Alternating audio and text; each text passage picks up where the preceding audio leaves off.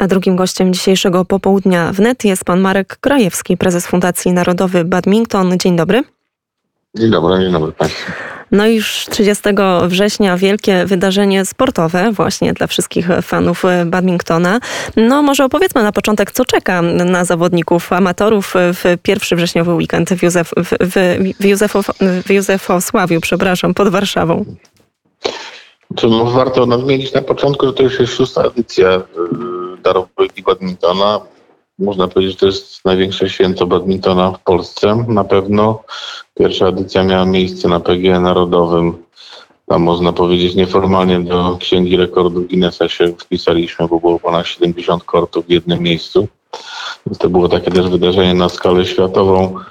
Kontynuujemy to, bo już mieliśmy też y, nasze edycje i na, y, w Katowicach i na Spodku, w Spodku i w czterech halach y, w Zakopanem. No teraz ostatnie dwie edycje trochę nas ograniczyły, ale to bardziej z powodu COVID-u oczywiście.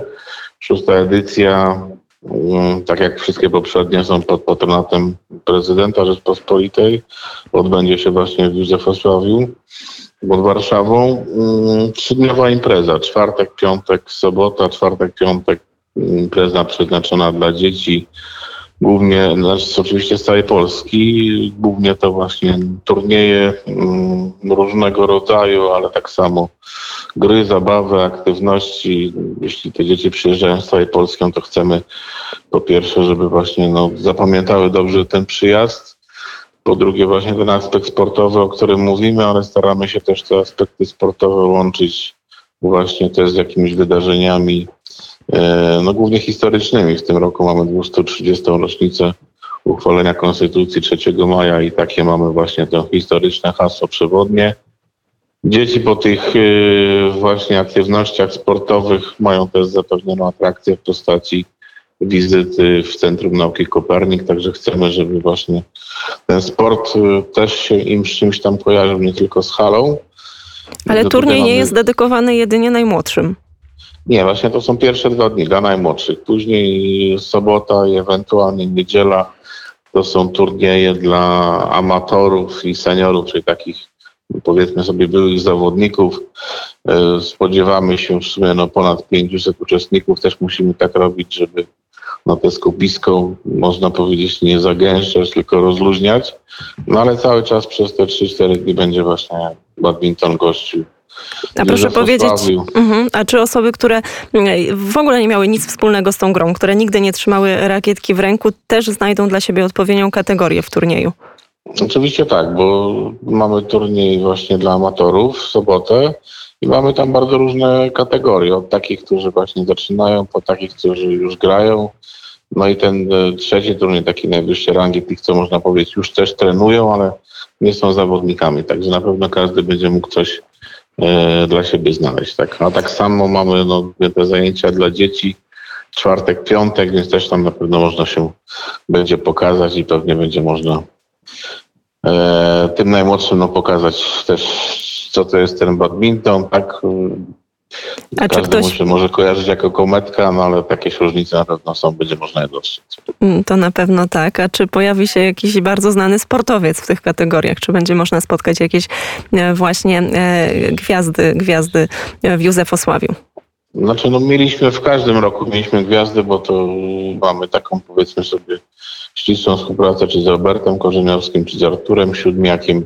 Jeszcze mógłbym wymienić na pewno parę nazwisk, ale teraz y, oczywiście jak najbardziej zapraszamy. Trudno nam powiedzieć, kto będzie do samego końca, no ale z racji tych covidowych, no też nie chcemy tutaj y, kogoś starać się powiedzmy sobie tam narażać, tak? Ale no, oczywiście oprócz tego nasi kadrowicze, nasi badmintoniści będą, czyli też będą starali się tych młodych, czy ewentualnie amatorów zachęcać do gry badmintona. No ale tak jak mówię, no, nie do końca możemy tak realizować scenariusz, jakbyśmy chcieli, czy to pod względem ilości osób, czy właśnie ilości gości zaproszonych. No, cały czas mamy no, w głowie to, że jeszcze obostrzenia covidowe nas obowiązują. A jakbyśmy mieli spróbować w kilku słowach zachęcić tych słuchaczy Radia Wnet, którzy jeszcze nigdy mm, nie próbowali swoich sił w tym sporcie, to w jaki sposób byśmy to mogli zrobić? No, zakładam, że pewnie większość zdecydowana próbowała E, no, znaczy można zachęcić przede wszystkim tym, że to jest sport dla każdego, czyli od takich 5-6 którzy trzymają rakietkę w rękach i wtedy może i piłeczkami, i balonami odbijają po wszystkich starszych, także tutaj przede wszystkim no, nie ma limitu wiekowego.